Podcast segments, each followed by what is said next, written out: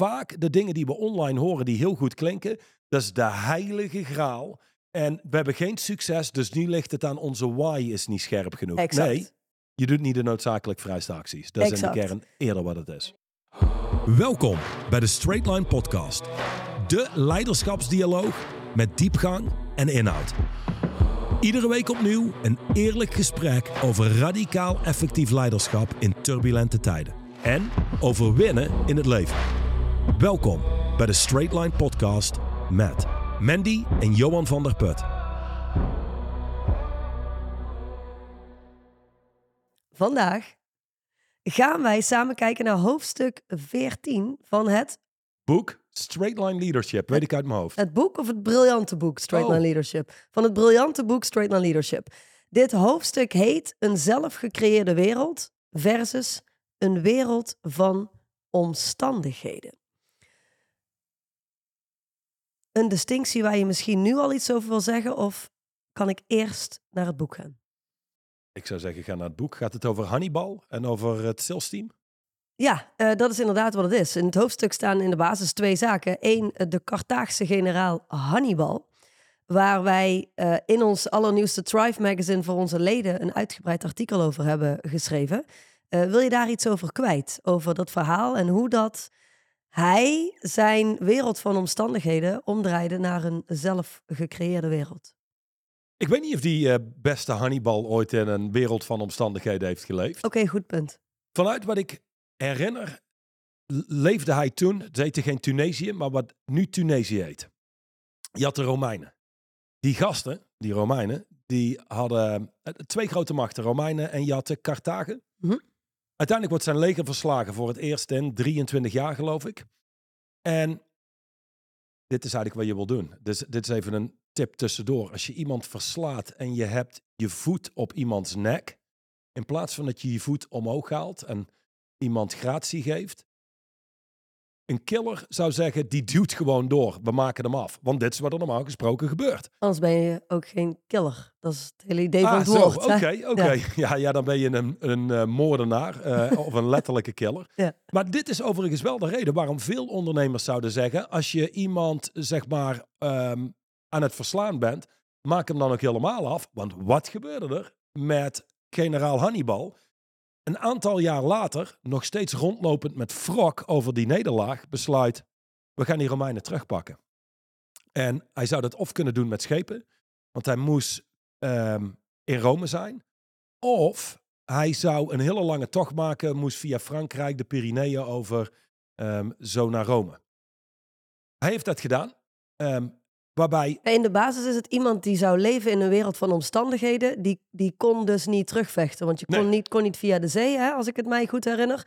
Want ja, daar zou die direct door alle andere schepen eh gekapseist worden.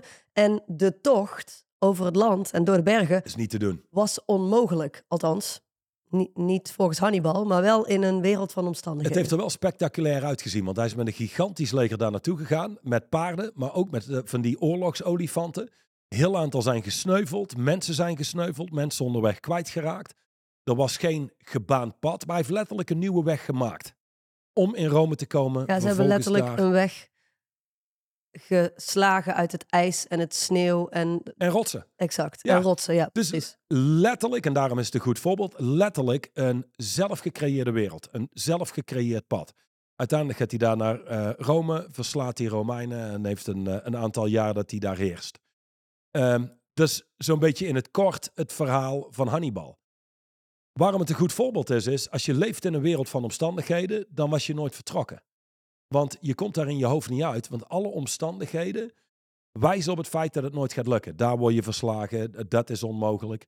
Dat is wel waar de meeste mensen leven. Ja, hij, zou, hij zou niet eens eh, verslagen worden door de Romeinen, maar door de natuur op zich zou, zou zijn hele eh, leger, dat, zou dat al niet redden. Ja, Op het moment door de dat we... kou, door inderdaad, er is geen Ja. pad. Alles wat je tegenkomt en een hele lange reis. Waarbij je, het, ehm, waarbij je ook voeding mee moet nemen. Het doet me ook denken aan voeding inderdaad, ook voor die olifanten en al die dieren. Daarom zijn er ook zoveel gestorven. Eh, als we erover spreken, lijkt het bijna alsof we erbij waren.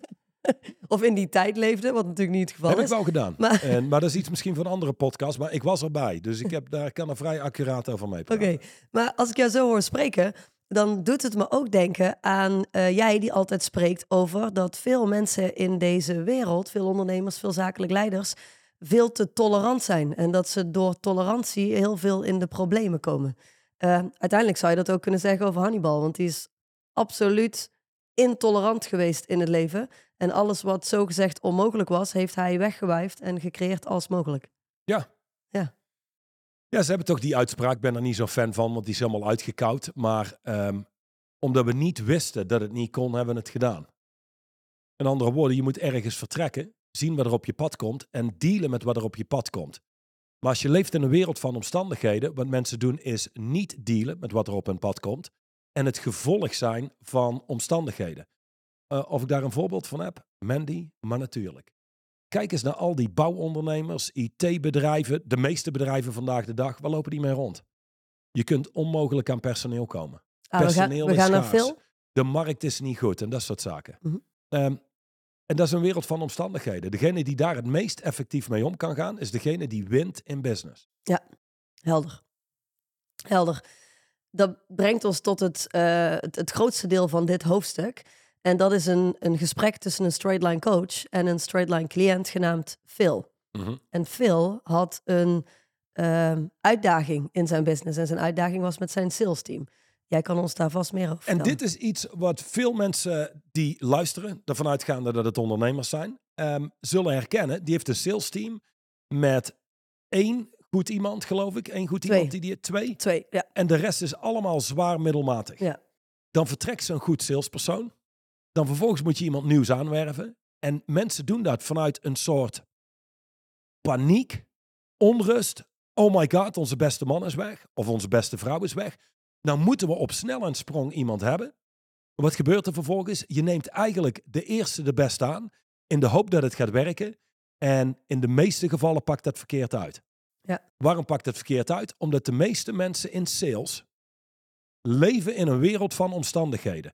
Een niet-leider die werkt met een sales team wordt altijd aan boord gehaald bij um, de markt is slecht, we zijn te duur, ons product is niet goed genoeg. Die komen in andere woorden met allemaal redenen en excuses en bezwaren waar ze niet mee om kunnen gaan, waar ze uiteindelijk het effect van zijn. En daar krijg je dan een rapport van. Ja, dus in plaats van dat targets afgecheckt Ja, dus als jij een ondernemer bent en jij bent in gesprek met je sales team en dat is, ja, maar nu is de markt slecht en um, goh, mensen kopen op dit moment niet, zo, niet zoveel. Er is veel inflatie en er zijn genoeg dingen te bedenken waardoor je niet kunt scoren of creëren. Maar echte salesmensen, ondanks die wereld van omstandigheden, creëren een eigen wereld. Dat is wat ze doen. We hebben een paar keer gesproken over Bijan. Iedereen zegt altijd, weet je, ik heb het boek Straight Line Leadership gelezen. Mm -hmm. En dan stel ik de vraag over Bijan in hoofdstuk 51. En, um, en dan kom je erachter dat ze een paar hoofdstukken hebben gelezen. Ja, en dan de naam Bijan Paksat staat ze niet bij. Maar als je het hoofdstuk hebt gelezen, gaat het niet meer weg. Want dit is de man die inmiddels overleden is, maar in Santa Monica of uh, Hollywood Boulevard.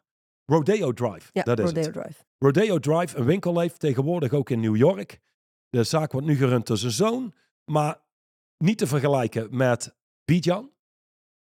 Die heeft kleding, um, is een, een kledingdesigner, een designer for men.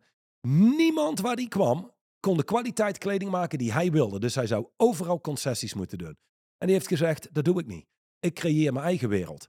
En in een wereld waarin je de Primarks hebt en uh, de pakken van 2000 euro en, en beneden en daarboven, is hij de ultieme designer. Waar je 250.000 dollar betaalt voor een bedspray. Waar je 50.000 dollar betaalt voor een pak. En op zijn online webshop vind je alle goedkope dingen. Jassen van rond de 10.000 euro, stropdassen van 1000 euro en sokken van 250 euro. Nu, sommige mensen zullen meeluisteren en denken: wie de fuck geeft er zoveel geld uit aan kleding en die hebben daar een verhaal bij? Maar de mensen die daar kwamen of komen, koningen, presidenten, oliesheiks, mensen van betekenis, die komen daar naartoe, want Bijan is zoals niemand. Ik bedoel, de meeste winkels die je kent, die hebben iets weg van die winkel of dat merk heeft wat weg van dat. Bijan is zoals niemand. Die heeft zijn eigen wereld gecreëerd, waar de meeste mensen daar nooit toe komen, want die zijn er al lang uitgekletst bij het creëren van die wereld door omstandigheden. Ja. Dus opnieuw iemand die, eh, ik zei net tolerant, misschien moet ik zeggen, ehm, die, die niet redelijk is. Want dat is eigenlijk wat ik je hoor zeggen. Hannibal was geen redelijke man. Ehm, die, de, de salesjongens waar ik je over spreken, of de salesmensen, die zijn wel heel redelijk. Die hebben non-stop redenen en excuses waarom dingen niet kunnen. Bijan was niet redelijk. Niemand kon hem leveren hè, wat jij net zegt, welke kwaliteit hij wilde. Dus wat is hij gaan doen? Een andere weg gaan zoeken. Ja, Ja. en je, je maakt een mooie distinctie. Dus wij zien redelijkheid als een, ehm, als een virtue, als een waarde. En onredelijk zien we als, weet ik veel, je, je, je hebt een kind van vijf en die eet zijn eten niet op en die krijgt een half jaar huisarrest. Zeg maar, dat zien we als onredelijk. Eh, ik gebruik het in een hele andere context. Eh, een zakelijk leider zal onredelijk moeten zijn. Want in het leven heb je één van deze twee dingen. Je hebt of resultaat, of je hebt redenen en excuses waarom die resultaten er niet zijn. Er, er is, zit niks tussenin. Dus een echte leider is onredelijk. Want als je niet onredelijk bent en je laat jezelf zakken tot de redelijke mindset van je medewerkers, met alle respect, maar dan ben je geen leider. Dan ben je een fucking volger. Dan volg je je medewerkers die in dienst zijn voor een reden. Ik bedoel, de reden is, die zijn wellicht op zoek naar zekerheid, hebben geen interesse om voor zichzelf een hele nieuwe wereld te creëren. Die sluiten zich liever aan bij een, laat zeggen, een krachtig bedrijf. Om samen een nieuwe wereld te creëren. Exact. Ja. Maar het is een- de ondernemer, als die niet onredelijk is en een hoge standaard heeft, dan zakt de standaard. Dan ga je mee in een wereld van omstandigheden. En dat heeft een gigantisch gevolg voor je cijfers.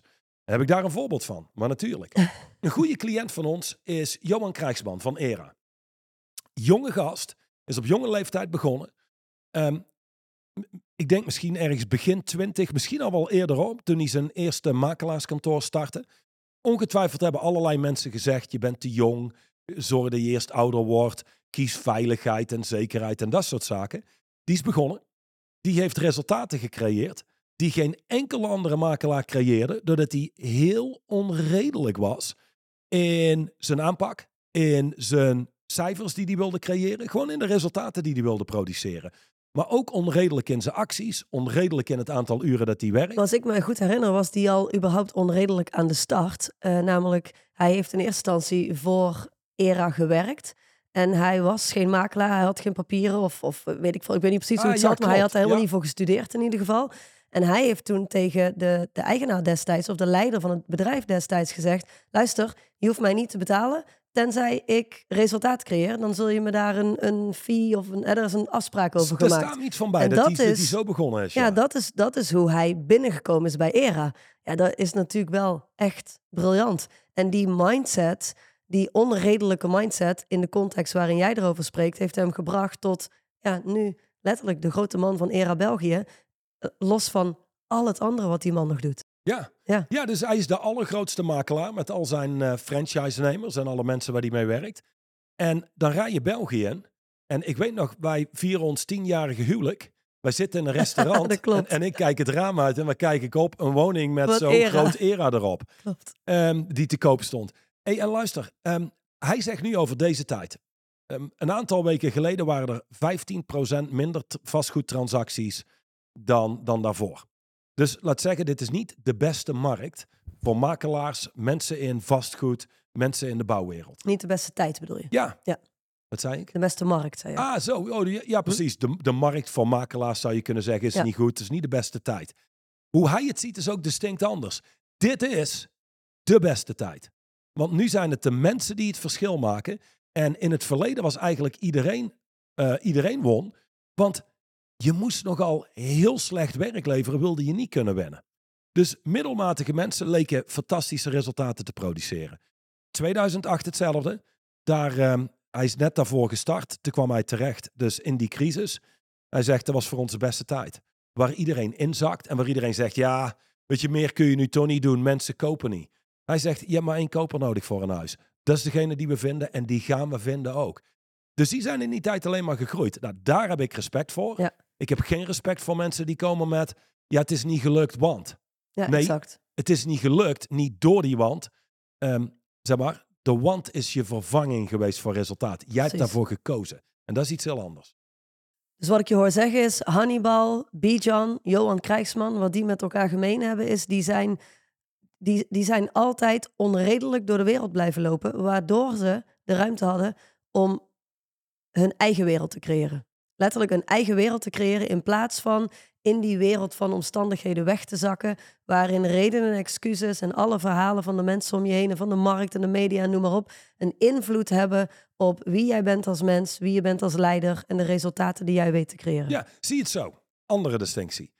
Als mens ben je of een thermostaat of een thermometer. Hmm. Nou, leg een thermometer buiten neer, dan is het nu waarschijnlijk zo'n 7 graden. Leg hem hier binnen in de studio neer, dan is het waarschijnlijk 25 graden, geen idee. Maar die is altijd onderhevig aan omstandigheden. Een thermostaat veroorzaakt zelf de temperatuur. Dus als je dit vergelijkt met mensen, de meeste mensen zijn een thermometer. In de zin van, zijn onderhevig aan omstandigheden en waai je mee met de wind die er nu waait. Als jij als ondernemer, als mens een thermostaat bent, dan weet je waar je voor staat. Je weet waar je voor gaat en je bent zeer onredelijk om daar te komen. Dus je gaat niet mee in redenen. Je gaat niet mee in excuses. Zie het als toen ik startte. Uiteindelijk, jij bepaalt de temperatuur. Als het buiten begint te vriezen, als thermostaat bepaal jij hoe warm het blijft hier Ja, binnen. ja, en jij bepaalt de acties die je doet, de hoeveelheid acties. Je focust op dat waar je controle op hebt. Laat dat duidelijk zijn. Toen ik dit werk wilde gaan doen, ik sprak Duchan, dit is een andere tijd. Ik weet, inmiddels zit heel internet vol, ook in Nederland en België met high-end coaches. Toen ik dit startte was er geen één. Nul. Nada. Ik spreek Duchan. Die zegt, oké, ik ben bereid om met je te werken. Ik werk normaal gesproken niet met coaches. Het is 175.000 dollar. Nou, toen de tijd een andere wereld. Ik had het geld niet. Luister, als ik een thermometer was, was ik nooit naar San Francisco gegaan. Dan hadden we hier nooit gezeten. Als je had geleefd in een wereld van omstandigheden, dan was de omstandigheid, dat geld Ik is er niet, dus het Ik kom 100.000 euro tekort. Exact. Dus vervolgens ga ik erop uit eh, en ik vraag investeerders voor geld en ik kom bij de bank terecht. Je wil niet weten. In plaats van dat mensen gewoon zeggen, oh nee, nee, nee, dat doe ik niet. Ik, eh, ik, daar investeer ik geen geld in. Van de 30 mensen die ik gesproken heb, zullen er misschien meer zijn, heeft 95% me geprobeerd eruit te kletsen. Wat ga je toch doen, jongen? Wat ga je toch doen? Dat is een Amerikaan. Amerikanen die zijn altijd full of shit. Dit, dit, dit is een hoax. Daar moet je niet in geloven. Ja, en dat werkt wel in Amerika, maar dat werkt niet hier Die heb in ik ook Europa. vaak gehoord. Die, die dat kan niet hier in Nederland. My god, ik hoor al mijn cliënten hardop lachen nu, nu we het daarover hebben. Hm. En sterker nog, die zouden allemaal zeggen, oh my god, ik ben blij dat je dit gedaan hebt. Want mijn leven is dankzij die acties die jij gedaan hebt daar nooit meer hetzelfde geworden. Dus je moet als ondernemer je eigen wereld creëren. Want anders leef je in een wereld van omstandigheden. ben je echt klas. Ja. Krijg je nooit iets gedaan. Ja, in het, in het hoofdstuk, in het voorbeeld van Phil, ehm, gaat, gaat, gaat Dusan ook in op het moment dat je zit in die wereld van omstandigheden, dan zit je in je bedrijf. En als zakelijk leider is het jouw taak om aan je bedrijf te werken in plaats van in je bedrijf te werken. Wat maakt dat in het voorbeeld van Phil ook heel duidelijk wordt dat hij alleen maar paniekvoetbal speelt. Ja. Hè, de, de, mijn sales team is nu compleet. Ja, van de twaalf mensen zijn er twee echt goeie. Ja, de rest, ja goed, ja, daar, daar doen we het maar mee. Ja, die twee, ja, dit, dat, zijn de, de toevalstreffers. Want dat was ook, ja, de- de- Ja. In, de, in het voorbeeld van Phil zijn die twee hele goeie, zijn toevalstreffers. Waarbij die straight line coach die met hem in gesprek was, hem uitnodigde om van een wereld van omstandigheden te shiften naar een gecreëerde wereld. Waarin die zei, maar wat nou als die twee de standaard zijn voor jouw hele sales team? ja. En toen was En het, je ben de je op dit neemt? moment, ja, ben je op dit moment op zoek naar eh, de volgende, ben je, ben je sollicitatieprocedures aan het doen? En het antwoord van Phil was, nee, want mijn team is nu compleet. Ja, maar je team is helemaal niet compleet, want twee van de twaalf ben je echt happy mee en die andere tien eigenlijk niet. Maar Phil stopte met het creëren van zijn, zoals het in het boek staat, zijn dream team. Ja. Nou, in dit stuk zit vast iets waar jij op in wil haken. Nou, ehm, dat is exact wat het is. Want dit, toen ik voor het eerst het boek las, dacht ik, dit is heel herkenbaar. Want op een gegeven moment heb je je team samengesteld en dan leg je daar maar neer, dit, dit is wat het is. Ik bedoel, we kunnen toch niet aan meer mensen komen. Dit zijn een soort unicorns of zo, weet je wel. Ergens besluiten we dat is onmogelijk. Totdat je een standpunt inneemt. Al mijn mensen moeten minimaal aan deze standaard voldoen en iets minders komt er gewoon niet in. Ja. En dan zul je merken dat je stap voor stap, omdat je erop focust en de benodigde acties doet, dat team samenstelt. Want ook die twee die wel functioneren, zijn gecreëerd. Exact. Die tien anderen zijn ook gecreëerd. Dus je kunt altijd iets wat je gecreëerd hebt, oncreëren, ongedaan maken. En dat waar het aan, aan ontbreekt, tien goede salesmedewerkers, is te creëren. Door middel van het doen van noodzakelijk vereiste acties. Je moet alleen wel in staat zijn als zakelijk leider om jezelf uit je bedrijf te trekken. Want zolang je er middenin zit, zit je midden in die wereld van omstandigheden. Laat zeggen dat je nog steeds in je bedrijf aan het werk bent als ondernemer, operationeel. Mhm. Dit is een distinctie, dit is niet echt een owner-victim distinctie, want laten we heel eerlijk zijn, wij zijn op dit moment ook in ons bedrijf aan het Absoluut. werk. Ja, Ehm, maar laat ik zo zeggen, het wordt lastig ondernemen als je nooit aan je bedrijf werkt. Is. Maar wat je wil kunnen doen, is kunnen gaan van details. Ik denk dat veel ondernemers die in een bedrijf werken, micromanagen, mensen te veel aansturen, ehm, in plaats van mensen vrijheid geven zichzelf te ontwikkelen. Maar bovenal, je wil big picture widescreen kunnen kijken. In plaats van kijken naar nu. Nu hebben we ons team compleet zoom je uit en kijk je, wat is eigenlijk het team wat ons gaat helpen onze echte resultaten te, te behalen. Ja. En dan ga je kijken, dat wat je moet doen om dat team samen te stellen, kun je terugbrengen naar noodzakelijk vereiste acties. En of het nou recruiters zijn die je aanschrijft, of dat je nou zelf mensen aanspreekt, of weet je. En, en, want dat is wel, vind ik wel mooi in het voorbeeld van Phil. Uiteindelijk vraagt het ook om anticiperen, wat jij nu zegt. Het vraagt om vooruitkijken, dat je team nu compleet is. In, in nu, dit moment, hier in het huidige moment, betekent niet dat dit het team is wat voldoet aan wat je nodig hebt over één of twee jaar. Ehm, je kunt ook als ondernemer voorkomen dat je over twee jaar mensen moet vervangen door nu al te focussen op de mensen in je organisatie te bouwen richting dat wat nodig is Ja, om te En- kunnen leveren wat we over twee jaar nodig laten we hebben. heel eerlijk zijn. Dit boek staat vol met distincties. In totaal staan hier zo'n, ik denk een, een honderdtal, ietsje meer distincties in. In de hoofdstukken, in de owner-victim Ja. De meeste mensen missen distincties om een accurate keus te maken. Wie heb ik hier voor me? En aangezien de meeste mensen leven in een wereld van omstandigheden, zeker in sales, met alle respect, maar dat zijn niet de mensen die je gaan helpen. Het zijn niet de mensen die je gaan helpen uitzonderlijke resultaten te boeken. Als Wat om, bedoel je daarmee?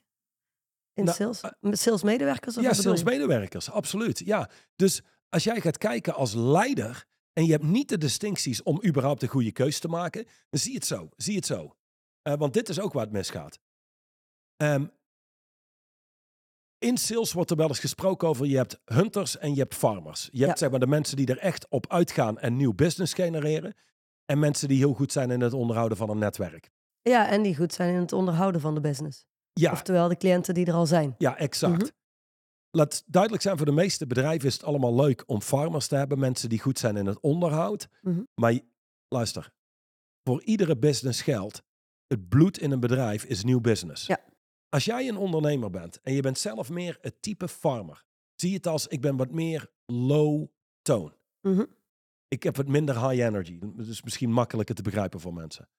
De kans dat je überhaupt een, een juiste keus maakt in de persoon die je aanneemt voor sales is al heel klein. Ja. Mensen nemen namelijk vaak min of meer mensen aan waar ze zichzelf comfortabel en prettig rondom voelen, die min of meer zijn zoals zij.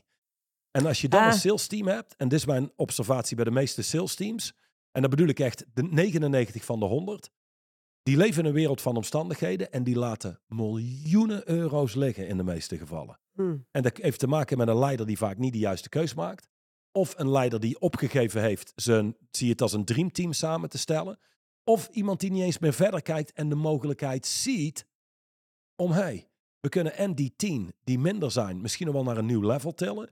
En dat willen we doen binnen de zoveel maanden. En anders dan moeten ze het bedrijf verlaten. En dan creëren we nieuwe mensen die wel in staat zijn om dat te doen. Maar dan moet je wel precies weten wie je zoekt. En een onredelijk mens, een salesmens, salesman, vrouw, die leeft in een zelfgecreëerde wereld, die spreekt al anders. Het is een andere inner stance waar je naar kijkt. Als je die distinctie niet maakt en je gaat gewoon af op wat er uit de mond komt van mensen, heb je gewoon een probleem. En dan kijk je steeds om je heen en dan denk je, hoe de fuck kan het zijn dat al die sales teams functioneren, maar wij krijgen het schijnbaar niet op de red. Helder. Helder. goh, je hebt heel veel dingen gezegd waarvan ik denk, daar wil ik eigenlijk ook nog op ingaan. Dat, Dat gaat kan. niet, want We hebben, al- we hebben alle tijd die, die wij bepalen. Het is Ja, dat is waar, dat is waar, dat is waar. Ehm, wat ik je net hoor zeggen is dat ondernemers vaak, of, of zakelijk leiders, of je nou eh, op, op managementniveau zit of op eh, directieniveau of, of ondernemer bent, ehm, die nemen over het algemeen mensen aan waarbij ze zich prettig voelen. Ik vind dat ook wel een hele goeie. Ze nemen vaak namelijk ook mensen aan. eh, wa- wat zijn mensen waarbij je je prettig voelt? Over het algemeen mensen die zogezegd kleiner zijn dan jij of die minder goed zijn dan jij. Want het is heel fijn voor ons ego om in ieder geval in een ruimte de beste te zijn. Daar heb Ik denk dat dat ook een grote fout is die gemaakt en, wordt. en laat ook duidelijk zijn. Ja, je hebt het nu over een leider, hè, maar laten we heel Ja. eerlijk zijn. Leiders zijn zeer schaars. Absoluut. Maar Ehm, het is ons, onze missie om leiders niet meer schaars te laten Dat is waar. zijn. Da- daar, ben ik, Dus- daar ben ik ook helemaal in Ja. mee.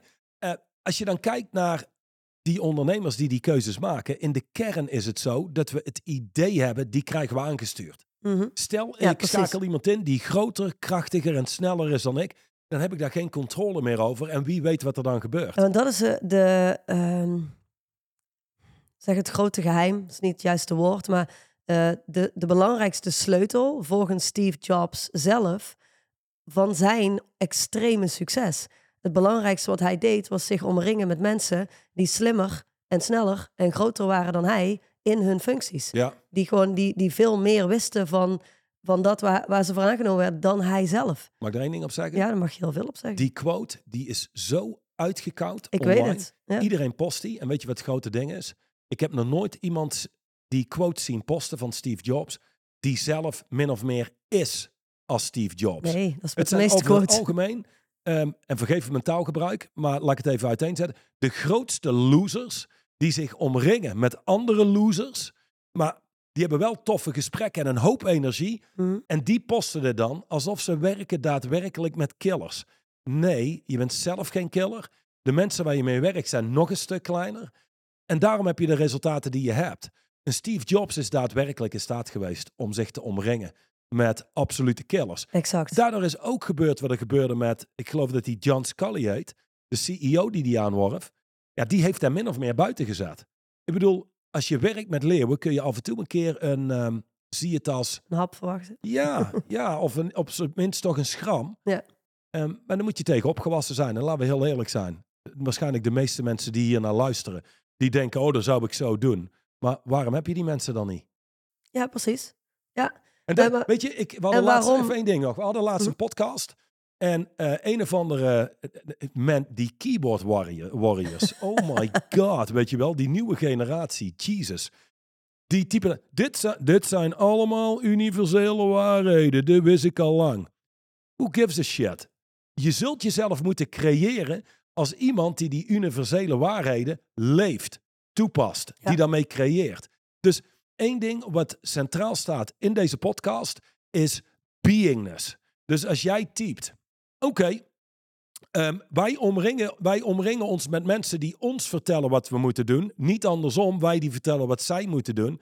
Luister, ben je dan ook een soort Steve Jobs? Ben je ook een leider? Weet je, omring je met mensen die je iets vertellen wat ook leidt tot succes. Want de meeste dingen die mensen vertellen, klinkt goed, maar het leidt niet tot succes. Kijk naar Simon Sinek, de Gouden Cirkels. Hoe vaak heb je dat niet gehoord? My god. Al, al die mensen, wat geen leiders zijn, mensen kopen niet wat je doet, maar waarom je het doet. En dan gebruikt hij Steve Jobs en Apple als voorbeeld. Dan denk ik, wat een moron. Laten we heel eerlijk zijn. Steve Jobs is begonnen met computers. Waarom? Om fucking geld te verdienen. Dus hij was helemaal niet bezig met waarom doe ik dit? Ik wil dat ieder huishouden een toegang heeft tot de computer en zijn leven. Helemaal niet. Waarom doe ik dit? Omdat ik geld wil verdienen. En later Exact. komt die zingeving. Maar, het Wa- wacht, wanneer maar we leven in een is. wereld waarin mensen dingen delen die goed klinken, Mhm. maar totaal geen nut heeft. En Simon Nee. Sinek vind ik ook zo'n type, nu we het er toch over hebben. Maar is sounds, sounds fine, sounds good, is fucked. het heeft nauwelijks effect. Nee. Dus dat is, dat is wel de wereld waar we in leven. Ja, eh, ik denk dat dat een hele goede is wat je daar zegt. En dat het, ehm, wat deze podcast doet, is, is eerlijk kijken en de realiteit op tafel gooien. En inderdaad, zelfs de allergrootste ondernemers, die een Steve Jobs, die is begonnen in zijn garage en die wilde geld verdienen. En op een gegeven moment kom je op een punt waarop je zelf uit de overlevingsmodus bent, daadwerkelijk kunt leven, naar buiten kunt gaan kijken. En dan, ja zeker, dan wil je meer gaan bijdragen. Ja. Dan wil je meer van betekenis zijn. Dan komen er grotere visies. Maar heel eerlijk, als je daar nog niet bent, dan pak de hassel met twee handen vast. Ja. En doe wat nodig is om jezelf naar, van overleven naar leven te trekken. Er kwam een, een grap in mijn hoofd op toen je, toen je deelde. Als Ik zag ga- het Als het gaat over een, een wereld van omstandigheden. Toen je zei, ja, Steve Jobs is gewoon begonnen in zijn garage. En dan hoor ik al iemand in een wereld van omstandigheden. Ja, maar ik heb niet eens een garage. Eh, overigens om één ding te rectificeren van, van Simon Sinek voordat eh mensen De hele dadelijk, eh, wereld op hol slaat. Dan interesseert me ook niks. Oh. Maar ehm, laat ik zo zeggen, is een welbespraakte man. Heeft een paar goede ideeën. En you can bastardize anything. Zoiets als drink voldoende water, dat is gezond. Maar drink 12 liter water en je sterft aan watervergiftiging. En vaak de dingen die we online horen die heel goed klinken, dat is de heilige graal. En we hebben geen succes, dus nu ligt het aan onze why is niet scherp genoeg. Exact. Nee, je doet niet de noodzakelijk vrijste acties. Dat is in de kern eerder wat het is. En ik denk dat, je, eh, dat, het, dat het niet eens met Simon Sinek te maken heeft, maar meer met al die, die mensen die daar vervolgens mee aan de haal gaan. Ik bedoel, er is geen marketeer waar je, mee, waar je niet mee om tafel kunt zitten, of waar je mee om tafel kunt zetten, die niet gaat vragen om je why, zelfs als je nog een heel kleine organisatie bent, die überhaupt nog dus van overleven naar leven moet. Gewoon laat dat, laat dat, eens, achterwege, laat dat eens achterwege, al die mooie theorieën die we hangen op bedrijven, gebaseerd op de grote bedrijven. Maar die grote bedrijven waren ook ooit klein. En hoe, hoe, hoe zijn die van klein naar groot gekomen? Hoe zijn die, die zakelijk leiders, die ondernemers gekomen van eh, eh, een, een gemiddeld mens naar de persoon die ze ge- geworden zijn? Door de hassel, door het werk te doen, Ja. door de acties, door toe te passen wat ze wisten. ja, en daarbij En door is op die manier hun eigen wereld te creëren. Ondanks dat we het hier zouden moeten afronden, want het is echt typisch zo'n einde. statement waarbij het is, goh, schitterend en stop. Om dat op terug te komen, een, een why, een duidelijk weten waarom je de dingen doet die je doet. En dat kan ook zijn, ik heb geld nodig. En we moeten Ja, maar, vooruit. dat, maar dat is geen goede why. Ja, ja, precies. Ja, ja, ja, dat, be- dat bepalen Dat is anderen een dan. why die niet mag. Dat bepalen anderen. Ik ken wel een paar mensen, niet cliënten, die gaan voor geld. En laat ik zo zeggen, dat is niet een why die je 30, 40 jaar lang laat gaan waarschijnlijk. Wel als je geld tekort komt op dit moment. Maar het ding is dit. He who has a strong why can bear almost any how. En een van de dingen waar mensen in vastlopen in die wereld van omstandigheden is, ja maar hoe doen we het dan? Hoe creëren we dat succes dan? En daar loop je standaard in vast. Het is niet zozeer een hoe doe ik dit? Een eigen gecreëerde wereld creëren, maar het is een kiezen Kiezen om. dat ik het dat ga doen. doen. Ik denk aan mijn einde podcast of hebben we nog iets door te nemen? Nee, we hebben niks meer door te nemen. Volgende week zijn we er weer met hoofdstuk 15.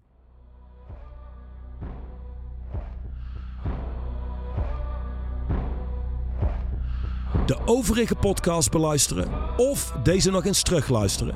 Ga naar het YouTube of Spotify account van Straightline Leadership.